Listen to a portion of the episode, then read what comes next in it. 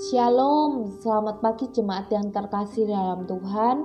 Mari kita siapkan diri kita, kita mau mendengarkan firman Tuhan. Kita mau merenungkan firman Tuhan.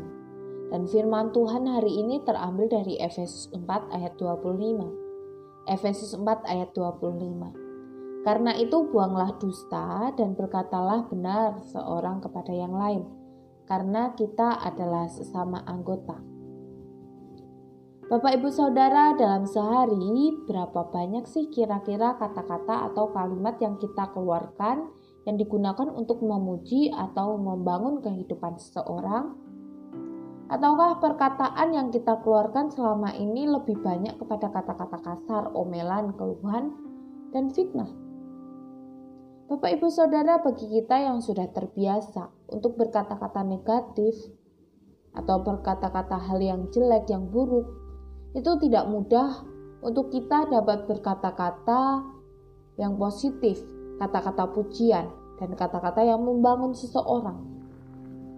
Padahal kita sebagai orang percaya, kita sudah diingatkan berulang-ulang kali agar kita sebagai orang percaya perkataan kita itu harus kita jaga.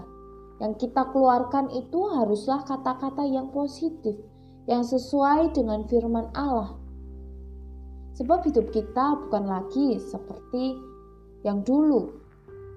Bukan lagi kehidupan yang sama dengan kehidupan orang-orang dunia, orang-orang yang tidak percaya kepada Tuhan. Nah, di bagian ini Rasul Paulus juga tidak ingin jemaat di Efesus memiliki cara hidup yang lama, termasuk dalam ucapan mereka. Ucapan mereka tidak boleh dipenuhi dengan kebohongan, kata-kata yang tidak sopan, kata-kata yang kotor, gosip yang jahat, fitnah, atau apa pun yang dapat melukai orang lain dan menimbulkan konflik atau perselisihan. Sebab mereka, jemaat Efesus ini adalah orang-orang yang telah mengenakan manusia baru yang telah diciptakan menurut kehendak Allah di dalam kebenaran dan kekudusan yang sesungguhnya oleh karena Yesus Kristus. Paulus ingin jemaat Efesus memiliki dan dikenal sebagai jemaat yang memiliki perkataan yang ramah, penuh kasih, dan mengampuni seperti Kristus mengampuni mereka. Nasihat Paulus ini juga berlaku bagi kita semua orang-orang percaya pada zaman ini. Kita sebagai orang percaya kepada Kristus, kita adalah manusia yang baru. Manusia baru adalah manusia yang mengalami Tuhan secara utuh, mengalami dan bertemu dengan kebenaran, sehingga dirinya mengalami perubahan hidup, khususnya dalam bagian ini, dalam berkata-kata.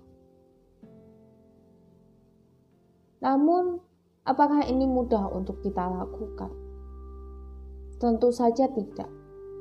Di sini Paulus juga menyadari bahwa ini bukan hal yang mudah untuk dilakukan. Oleh sebab itu, Paulus berkata, "Buanglah." Nah, dalam bahasa aslinya itu kata ini menunjukkan bahwa orang percaya perlu membuat keputusan awal yang diikuti oleh keputusan berulang-ulang untuk dapat hidup kudus. Berulang-ulang di sini tidak hanya menunjukkan pengulangan setiap hari, tetapi pengulangan di sini menunjukkan bahkan tiap jam, tiap menit, tiap detik. Nah, ini berarti untuk menjaga perkataan kita, kita haruslah melakukannya secara terus menerus dan ini membutuhkan proses dan ini prosesnya panjang. Tapi ketika kita memiliki komitmen untuk melakukannya, Tuhan pasti memampukan kita. Ingatlah, orang yang sudah hidup di dalam Kristus seharusnya setiap perkataannya itu baik dan membangun orang lain. Bagaimana caranya? Caranya adalah dengan meneladani Kristus, bersikap ramah seorang terhadap yang lain, penuh kasih mesra dan saling mengampuni.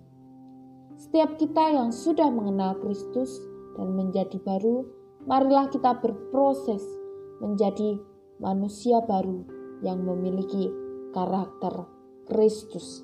Amin. Tuhan Yesus memberkati.